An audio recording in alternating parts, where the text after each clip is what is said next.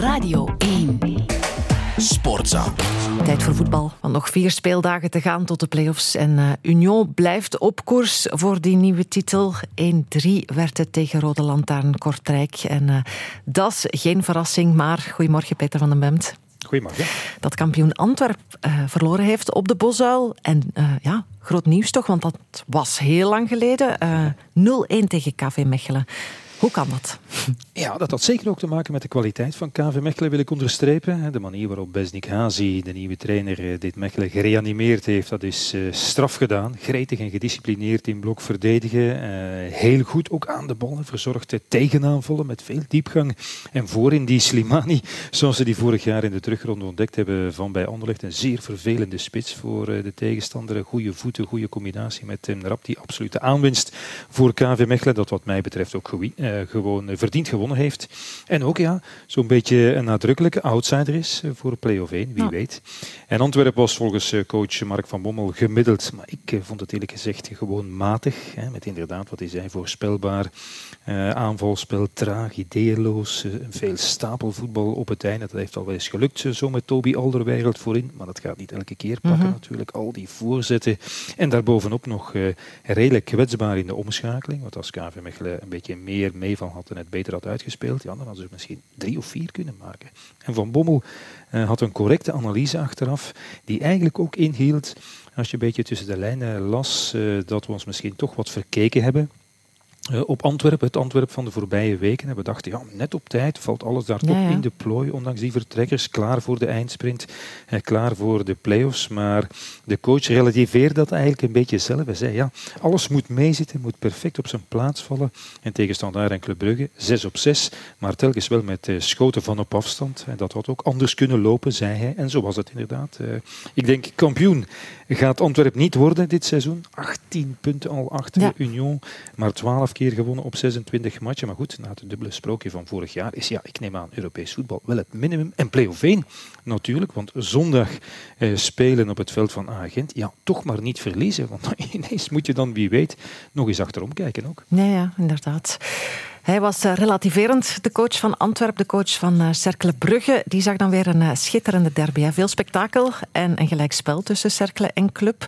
Alleen was niet iedereen het daarmee eens. Ja, ik was niet. Ik vond het een verschrikkelijke wedstrijd. Een soort strafkamp, zeg maar. Uh, zeker de eerste helft, waarin Club Brugge de grote fout maakte om mee te gaan in het voetbal van Cercle van gisteren. De strijd aangaan, de intensiteit matchen van Cercle Brugge. Ja, dat moet en dat deed Club Brugge wel goed. Maar ja, je moet wel zelf proberen voetballen ja. natuurlijk. Meegaan in dat lange halen, hoge spel van gisteren. Nee, dat is een fout die je niet mag maken. En die eerste helft, daar kon je eigenlijk beter liggend op je rug naar kijken. Dat was beter voor je nek, want het was allemaal door de lucht, echt waar. En, en Cercle Brugge Brugge kan echt veel, veel beter voetballen dan het gisteren deed. Zoals ze dat hebben laten zien op Racing Genk bijvoorbeeld. En ze zullen voor elke ploeg een nachtmerrie zijn als ze straks in play-off 1 zitten. En die kans wordt met de weken groter. En zeker voor Club Brugge. Nog twee derbies erbij. Ja, toch maar liever niet. Denk ik dan maar voor uh, blauw-zwart. En inderdaad, met de week groeit ook het zelfvertrouwen van Miron Muslic. Vorige week zei hij al, niemand krijgt ons nog uit ja. de top 6. Hij schuift al maar op uh, richting zijn gelijk. Nu zei hij zelfs, wij zijn een topploeg. Ja, wel, ik ben benieuwd welke topclub, hè, het voetbal dat hij met zijn ploeg gisteren uh, speelde, haar ploeg ook graag zou zien spelen, dan denk ik toch geen enkele. Maar goed, de cirkelfans die zijn tevreden en dat is logisch. Ze genieten ervan, ze beleven een hoogconjunctuur. Straks nog eens, wie weet al, die topwedstrijden en die van Club Brugge zijn even logisch ontevreden. Ook al omdat ondanks alles wat we hebben gezegd, Club Brugge ook gewoon gisteren had moeten winnen. Hè. Ze hebben ja. in de tweede helft dan wel de juiste keuzes gemaakt. Uh, en met Noosa, die kwam dan toch boven water, hè, maakte dan toch mee het verschil. Genoeg kansen om een paar doelpunten te maken en wat ik zei te winnen. Maar goed, Thiago had uh, zacht gezegd uh, zijn dagje niet. En net nadat ik en nog andere Club Brugge een paar weken geleden eh, naar voren hadden geschoven als de grote uitdager van Union, hebben ze 5 op 12 gehaald. En zo heeft die topper van zondag tegen Anderlecht ineens heel veel belang. Hè. De rug tegen de muur toch ja. een beetje. Toch 9 punten achter op Anderlecht en nog eens onderstrepen 17 achter op Union. Dan is maar één resultaat goed genoeg. Absoluut. En het zal uh, zonder Thiago zijn. En omdat ja. je het daarnet over supporters had, uh, die van Anderlecht, die uh, hebben de spelers uitgefloten voor de rust. Uiteindelijk werd dat wel een overwinning voor Anderlecht. Sint-Truiden ja. ja. scoorde eerst, uiteindelijk werd het 4-1. Ze zijn uiteindelijk uh, toch met een vreemd gevoel die tunnel ingegaan, denk ik, tijdens de ja, en het was opvallend dat uh, het organisaar, en hij heeft recht van spreken, want hij is de beste bij Anderlecht, na afloop, een afloop liever een scherpe opmerking daarover maakte. Hij zei dat de fans daarmee de ploeg niet geholpen hadden, want meestal zeggen spelers zo gedwee dat ze dat allemaal wel begrepen en mhm. dat, dat ze gelijk hadden, de supporters.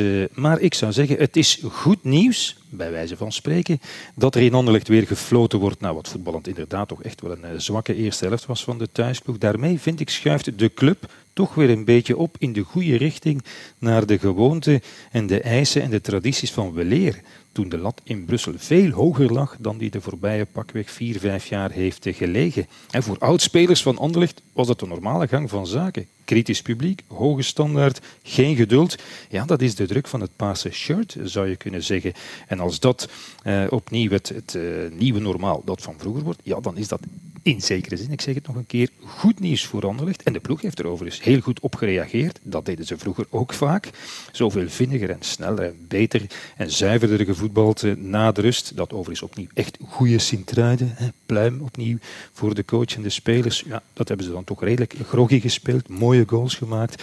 En dat is dan ineens weer veelbelovend met het uh, oog op wat nog komen gaat. En om te beginnen dus, wat ik al gezegd heb, zondag de topper op het veld van Club Brugge.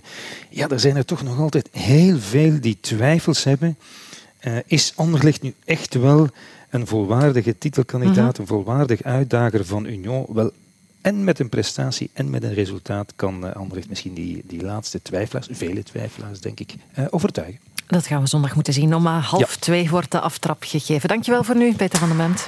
Sportza.